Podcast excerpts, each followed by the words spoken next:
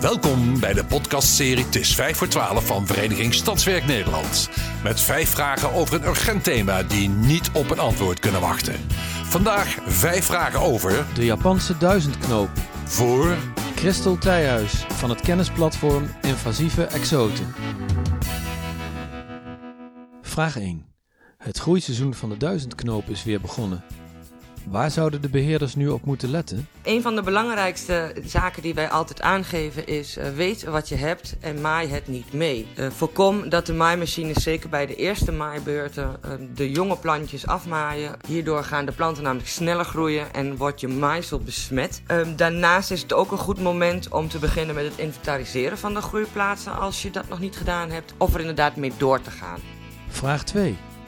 Wat kun je verder doen aan de Japanse duizendknoop?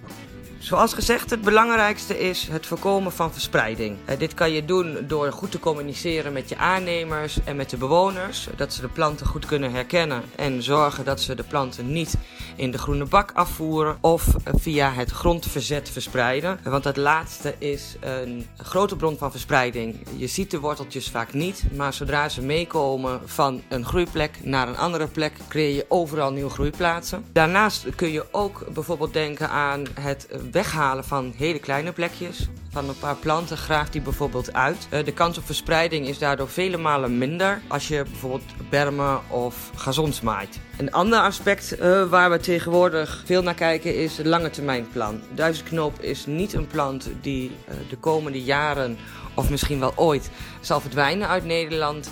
Wat wel daardoor van belang is, is om te zorgen voor een goed plan van aanpak. Hoe ga je ermee om in je beheer en hoe ga je bijvoorbeeld problematische groeiplaatsen bij wegen of bij een brug of in een trap weghalen. Hiermee kun je ehm, ook vaak geld aanvragen via bijvoorbeeld eh, de gemeente of bij de provincie via een subsidie. En daarmee borg je wel voor de langere termijn ook een gedegen en solide aanpak.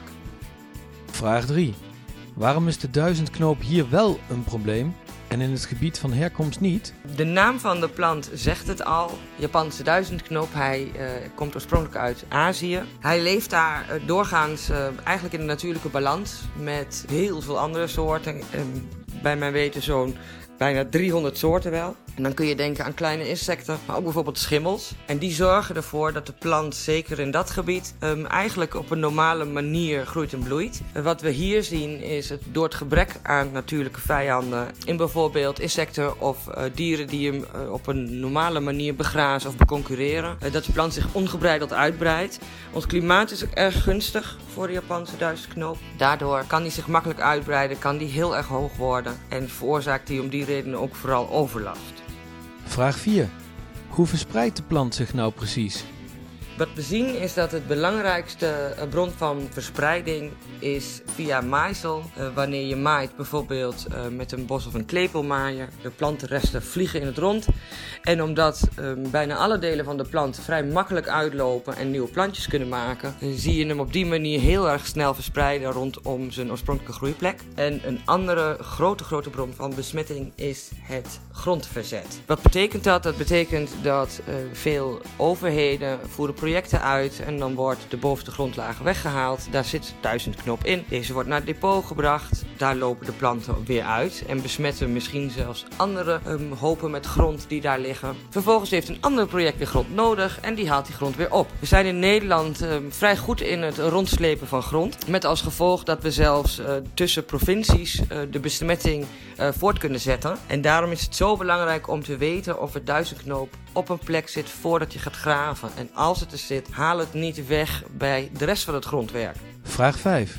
Wat zijn de laatste ontwikkelingen? Wat we vooral zien in de laatste twee, drie jaar is dat veel bedrijven proberen een methode te ontwikkelen die de planten kan bestrijden of nog beter kan doden. Wat we ook zien is dat het vooral beheermethodes zijn. Dat in de eerste 50 centimeter de absoluut effecten waar te nemen zijn. Er Weinig hergroei of delen van planten sterven af. Maar het ei van Columbus is nog niet gevonden om juist ook de diepgroeiende wortels te doden. Zodat er bijvoorbeeld eh, huizen opgebouwd kunnen worden. En dat we zeker weten dat de grond schoon is. De andere kant, eh, naast deze praktische kant, is dat we toch ook proberen om informatie veel meer samen te brengen. We zijn eh, met een aantal partijen zijn we begonnen om een landelijk platform op te zetten om zo uh, onze kennis en kunde te bundelen, zodat het voor beheerders, voor beleidsmakers, maar ook een klein beetje voor particulieren een goede plek is waar alle informatie samenkomt. En dat is een samenwerkingsverband tussen Stadswerk en de Wageningen Universiteit,